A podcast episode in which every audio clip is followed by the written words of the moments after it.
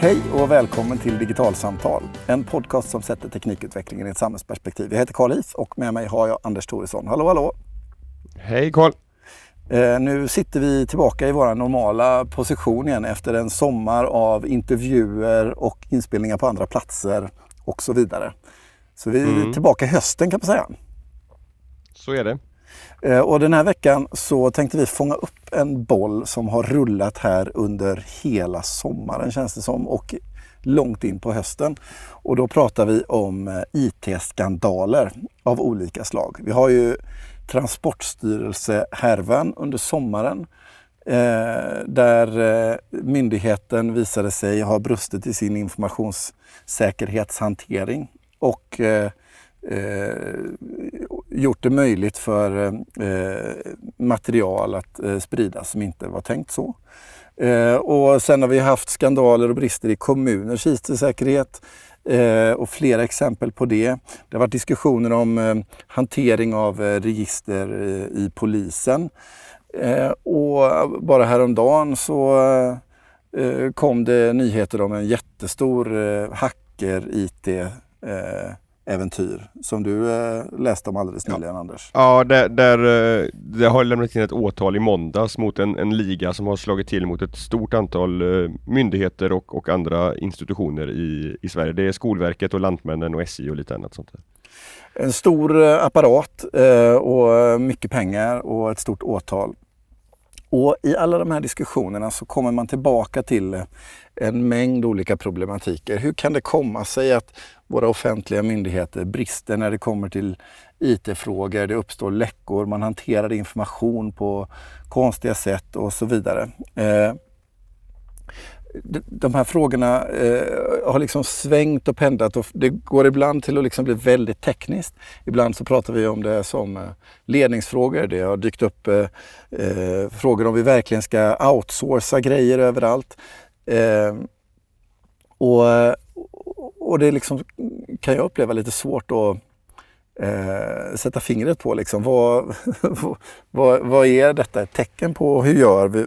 Hur skulle liksom stat och kommun och landsting kunna jobba bättre i de här, i de här frågorna? Det är det vi tänkte prata om det i detta avsnitt. ner oss i. Mm. Ska, vi, ska vi börja med det här med, med outsourcingen och vad, vad det egentligen är och i vilken utsträckning det, det i sig orsakar problem?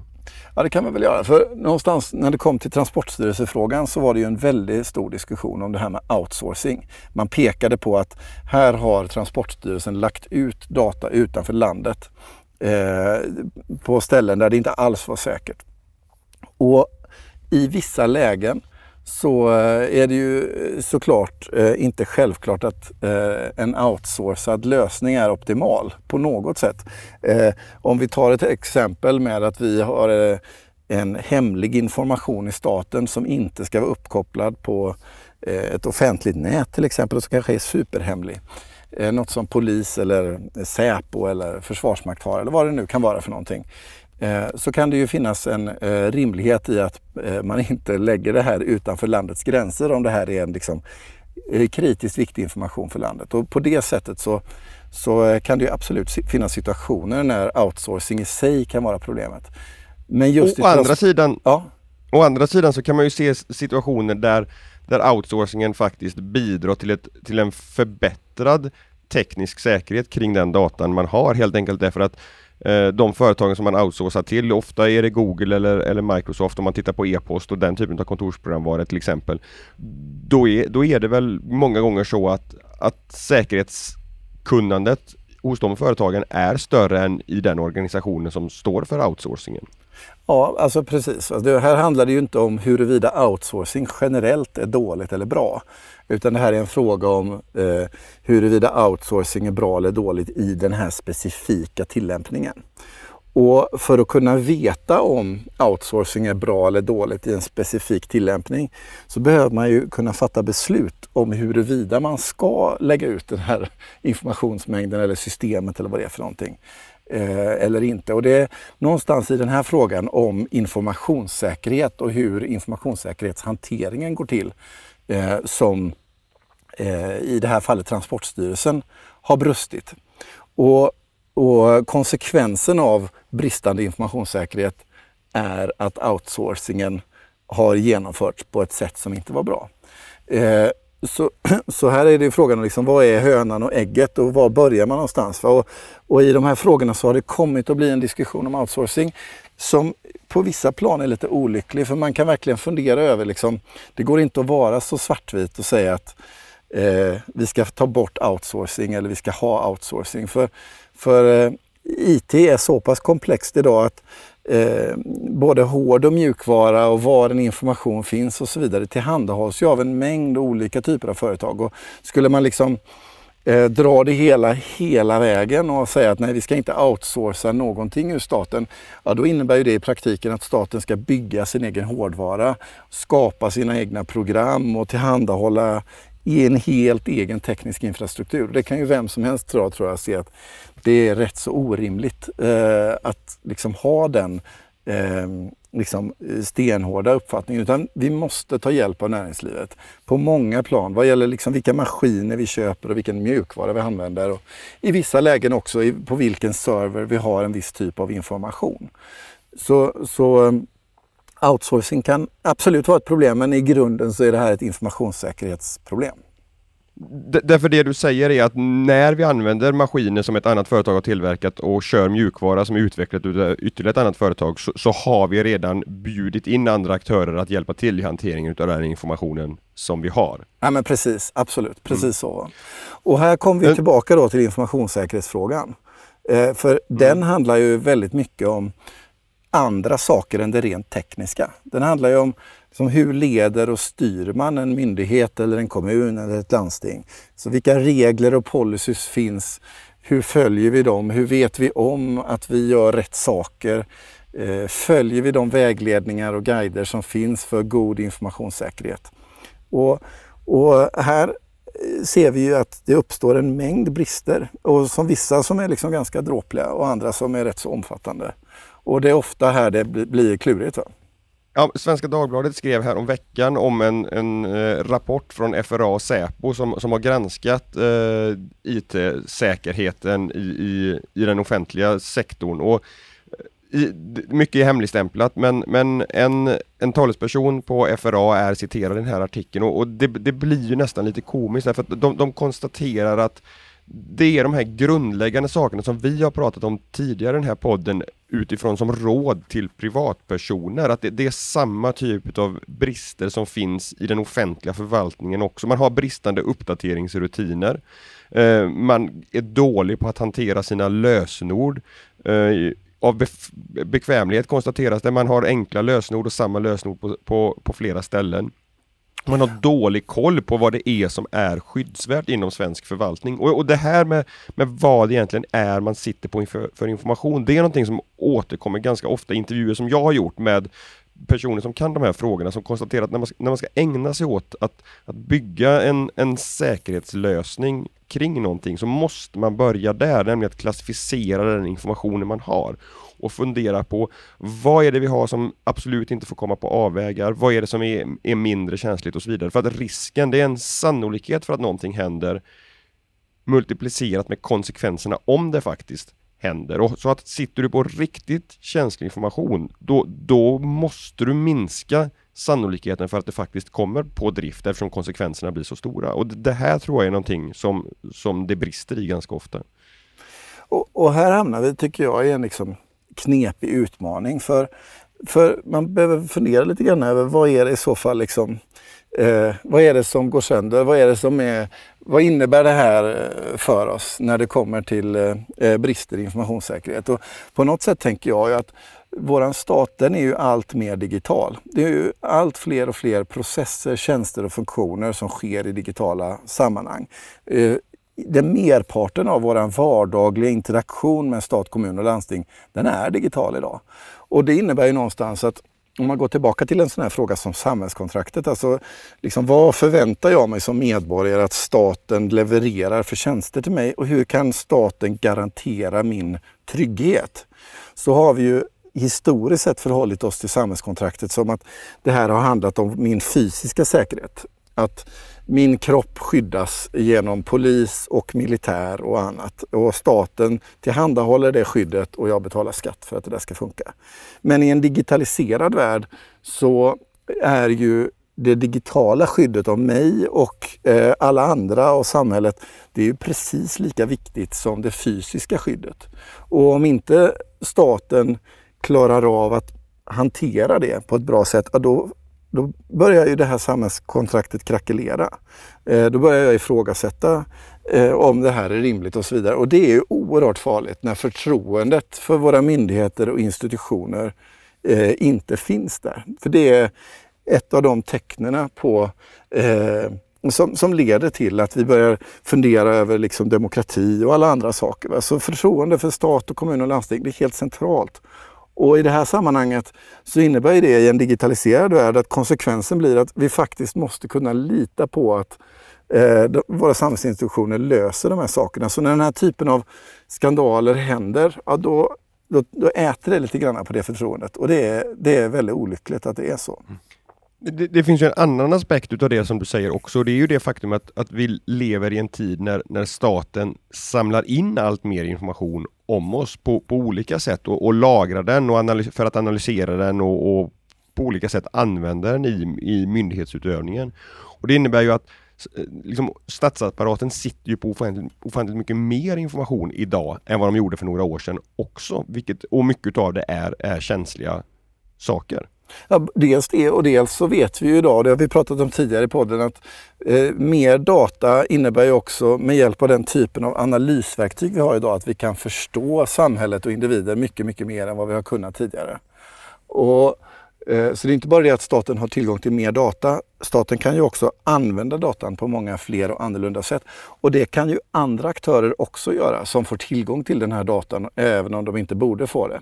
Så mm. eh, skyddsvärdheten i datan den har ju ökat, inte bara som en konsekvens av att det har blivit mer data utan vår förmåga att förstå samhället och processer mer genom datan. Mm. Alltså vi har väl alla suttit i situationer där vi har svurit över, över IT-avdelningens eh, lösenordspolicy och, och, så vidare och det, det, är ju det man kan, kan se igenom med det som händer här också men någonstans måste man ju landa i en, en förståelse i organisationen för vilken typ av information det är man sitter på så att, så att de säkerhetsåtgärderna som finns på plats i policydokument och så vidare inte ses som ett hinder för verksamheten utan som en naturlig del utav det som vi är satta att, att ägna oss åt. Att det är inte ett lager som ligger ovanpå som finns där för att ställa till problem för mig. Uh, jag, jag, jag, tycker att det är det man kan ana i alla fall i, i det här att man använder samma dåliga lösenord överallt. Sen, ja, sen men där är det också, man... här skulle jag vilja säga att det här handlar inte bara om individutmaningen, att en enskild tjänsteman eller politiker så har ett dåligt lösenord, utan det handlar också om vilken infrastruktur som finns för att fylla i det där lösenordet. Eh, alltså, I somras så mm, kom eh, organisationen NIST i USA ut med nya riktlinjer för eh, eh, lösenord och hur de ska se ut i USA.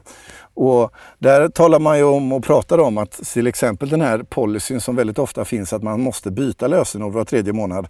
Det är egentligen en rätt så dålig policy för den gör att vi skapar sämre lösenord än om den policyn inte finns. Och man har ett längre och mer komplext lösenord över en längre tidsperiod. Så väldigt ofta så kan det vara så att bristande kunskap hos en organisations egen IT-infrastruktur faktiskt skapar bristande beteende hos de som använder eh, systemen eh, utan att någon egentligen är medveten om det. Och det är ju en ren kompetensfråga i det sammanhanget.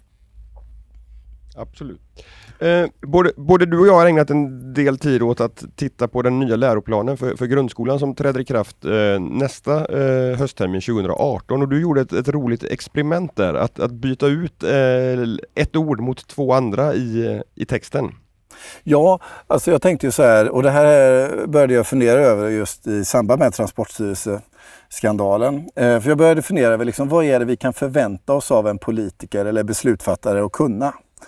Eh, var, var drar man liksom gränsen? För vi kan inte liksom, det är inte rimligt att alla eh, är IT-experter eh, och kan allting. Men någonting behöver man troligtvis kunna för att kunna leda och styra en myndighet eh, som politiker och som tjänsteman. Och då tänkte jag, vad är det liksom den lägsta nivån av kunskap som vi kan förvänta oss eh, av en person?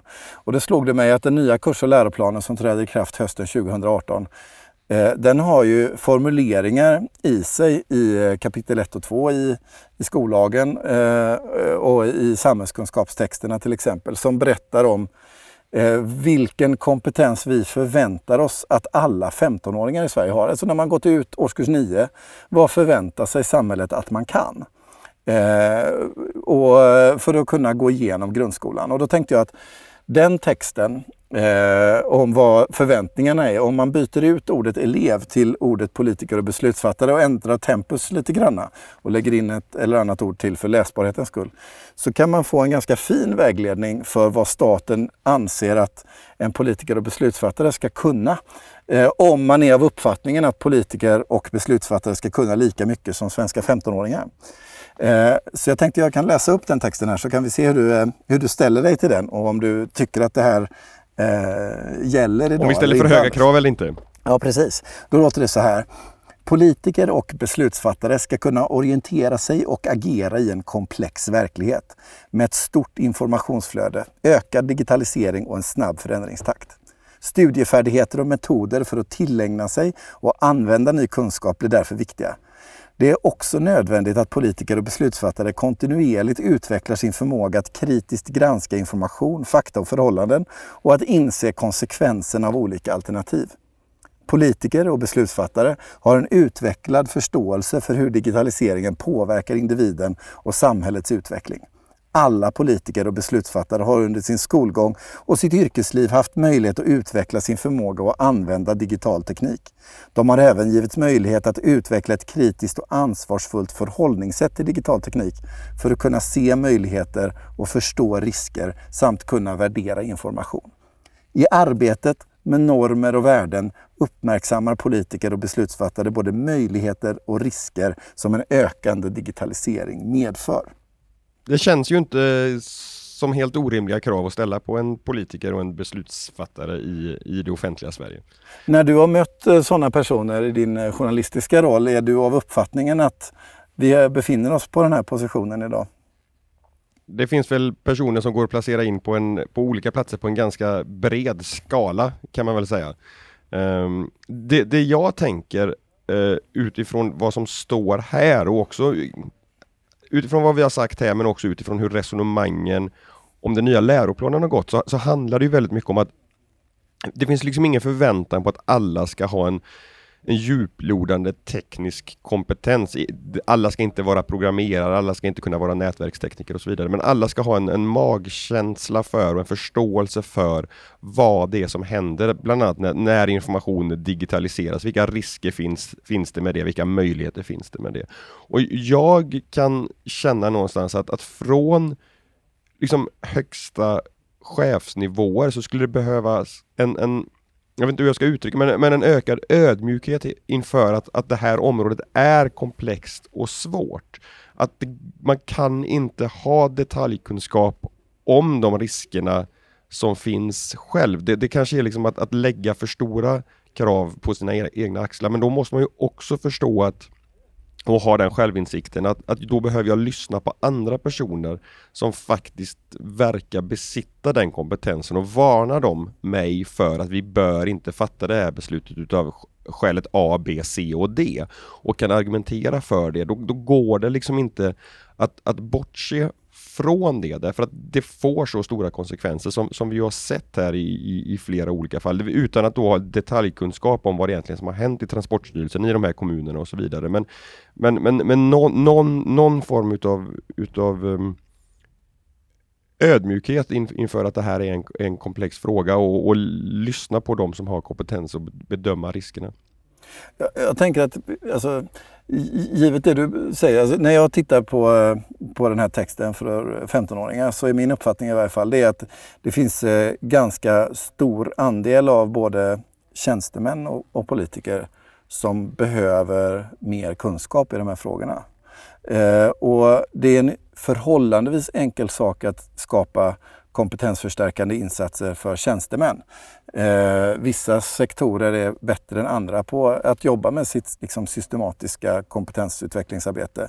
Eh, men där finns det processer och rutiner. Men däremot hur man säkerställer en ökad kompetens i, bland våra politiker är en betydligt mer utmanande fråga. För det är ju de själva som är beslutsfattarna. Eh, och där finns det liksom inga riktigt enkla svar. Eh, jag håller med dig att vi inte kan förvänta oss att en eh, politiker eller chefstjänsteman är IT-expert. Men däremot så behöver man ha tillräcklig kompetens för att kunna till exempel veta om att man har rätt kompetens i sin verksamhet. Man behöver kunna eh, skapa system och organisationer som gör att en politisk församling har liksom tillräckligt med underlag och kunskap som kollektiv för att faktiskt kunna fatta kloka beslut i de här frågorna. Och, och där är en utmaning, för väldigt ofta så går ju digitaliseringen fort. Eh, Medan beslutsfattande i de här frågorna kan vara komplext och ta längre tid. Eh, och man behöver hitta former och format som, som gör det möjligt eh, för ett klokt beslutsfattande givet hastigheten i, i världen som omger besluten men utan att för den delen göra riktigt, riktigt förhastade insatser. Och det där är, det är, nog, det är inte enkelt tror jag att åstadkomma det här på något sätt. Va? Men det handlar ju mycket som jag ser det, det är om liksom att fundera över hur är våra myndigheter, verk och kommuner och landsting organiserade för att möta det här. Va? Om vi tittar på Ehm, eh, näringslivet, i vissa delar av näringslivet, också för den delen den ideella sektorn, eh, så har, eh, finns det många exempel på där man liksom ändrar sina processer för att möta eh, digitaliseringen eh, på olika sätt. Det vet vi att det gör många myndigheter också. Eh, men här tror jag att det finns väldigt mycket mer att lära i eh, hur vi ställer om våra arbetsrutiner och modeller och processer för att tillgodose en bättre eh, bättre slutresultat. Och sen tror jag också man kan fundera över liksom, var ligger frågorna om samhällets digitalisering i ens organisation? Alltså, historiskt sett i en kommun så har man haft en IT-chef eh, och så har varit fallet i, i många av våra svenska bolag också. Och inte sällan har den här IT-chefen varit av mer teknisk karaktär och kanske inte i en ledningsgrupp eller så. Va? Men de sista åren, om vi ser till näringslivet, så har man ofta kommit att skapa en ny roll som ligger direkt underställd VD som kallas för Chief Digital Officer eller CDO. Och den typen av roll som då inte bara hanterar den tekniska frågan utan själva omställnings-, förändrings och kunskapsarbetet. Den typen av roll eh, tycker jag är intressant att reflektera över när det kommer till svenska myndigheter, kommuner och sammanhang. Hur skulle en sån roll eh, se ut i en offentlig miljö? Hur kan den möta eh, de här hoten och sammanhangen och skapa bättre kunskap i ledningsgrupper? För får man upp de här frågorna på dagordningen i ledningsgruppen, då ökar väl rimligen sannolikheten också för att man fattar klokare och bättre beslut, tänker jag. Jo men ant antagligen är det så, och precis som du säger, den, den, här typen av roller, den stöter jag på allt oftare i, i näringslivet, eh, i de företag som, som jag kommer i kontakt med och gör intervjuer med. Att det, det finns du, du nämner begreppet Chief Digital Officer, jag har stött på begrepp som Data Steward också, så, som är personer som har som sin uttryckliga arbetsuppgift att faktiskt se till att den data som, som hanteras i bolaget eh, är skyddad och eh, säkrad på rätt sätt. Och det, det, handlar inte bara om att den här informationen ska vara eh, säkrad så tillvida att den inte hamnar på avvägar utan i informationssäkerhet så ligger ju också sådana saker som att se till att den finns tillgänglig när man behöver använda den att den är eh, riktig, att ingen har varit inne och manipulerat i den och att det finns en spårbarhet, att man kan se vilka personer har varit inne och ändrat i informationen. Så att det, det, det här fokuset också som, som, som, blir väldigt ofta på att att data hamnar i fel händer. Det är också bara en liten del av det här arbetet med att, att eh, jobba med informationssäkerheten där det finns andra saker som också är väldigt viktiga för att vi sen ska kunna lita på de besluten som fattas med den här informationen som, som underlag. Därför att om någon har varit inne och manipulerat data hos Försäkringskassan eller någon annanstans och ändrat inkomstuppgifter eller vad det nu kan vara så, så innebär ju det också att statsförvaltningen är, är eh, inte har möjlighet att, att utföra sitt, sina uppgifter som de ska. Så det handlar inte bara om att någon stjäl saker ifrån dig utan det kan ju också vara att någon är inne och manipulerar den datan so, som du har för, för egen vinnings skull. Ja, och jag menar, i takt med samhällets digitalisering så blir ju Eh, fler och flera juridiska processer digitala processer och att skydda samhället blir mer och mer en digital fråga. Eh, och det är ju det, liksom, som kommer tillbaka till trygghetsfrågan för medborgaren. Om vi ska leva och verka och betala skatt och känna oss trygga så behöver vi kunna tro och lita på att de här systemen eh, och individerna som ansvarar systemen gör det liksom, på ett sätt som, som känns tryggt och rättssäkert. Eh, så det blir ju absolut centrala frågor eh, och inte frågor om, eh, om teknik. Sen kan jag tycka just i de här fallen så hamnar man väldigt mycket i den här eh, typen av diskussioner där eh, det lätt blir pajkastning om man pekar fingret åt en eller annan individ eller den sa och vi vet och vad visste den och så vidare. Eh, och Det kanske är naturligt i en eh, liksom mer politiserad och infekterad miljö att eh, ägna sig åt det. Men jag, i det här fallet så, så hade det också känts väldigt smakfullt om man hade kunnat jobba med liksom systematiskt kvalitetsarbete när det uppstår haverier.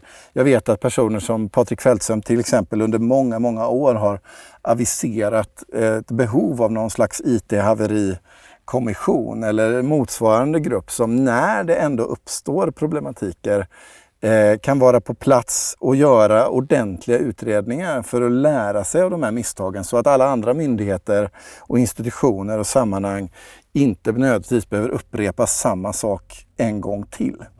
Eh, och riktigt där befinner vi oss inte i dagsläget utan ganska så snabbt så, så blir det här politiska frågor istället. Eller det, det hamnar, handlar om andra, kommer att handla om andra saker än vad som egentligen var fallet. Och, och, alltså man kan väl önska att eh, eh, den här typen av eh, idéer och tankar accentueras mer i takt med att samhället, samhällets digitalisering ökar så, så pass som den ändå gör.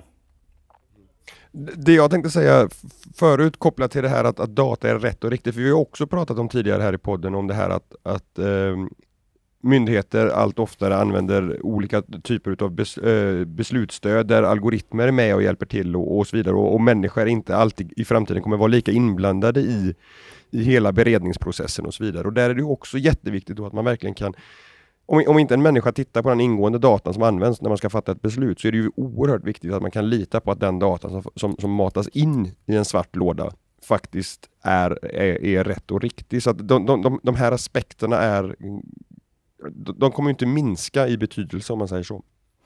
Nej, det kommer de, eh, det kommer de med all säkerhet inte att göra. Eh, och vi kommer ju med all säkerhet inte ha sett den sista IT-skandalen i Sverige heller. Nej, tyvärr eh, utan de här frågorna, de kommer vi med all sannolikhet att leva med och eh, vi kan ju bara hoppas på att eh, både kunskapen om området och processerna kring det blir bättre med tiden. Eh, tack för den här eh, lilla stunden Anders, som vanligt. Tack själv. Med eh, det här så är dagens podcast slut. Surfa gärna iväg till eh, eh, Facebook och gilla vår sida Digitalsamtal där vi också postar alla avsnitt och länkar och annat. Eh, vi finns på Facebookgruppen Digital samhällskunskap där ni gärna får diskutera och kommentera samtalen. Både jag och Anders finns där eh, för det mesta. Har ni en fråga till oss får ni gärna höra av oss. Vi finns på Twitter på digitalsamtal och prenumererar ni på oss inom poddspelare får ni gärna gå in och recensera och betygsätta. Det betyder jättemycket för oss för det gör att fler hittar oss eh, och vi hamnar högre upp i sökresultaten. Men till nästa gång, hej då!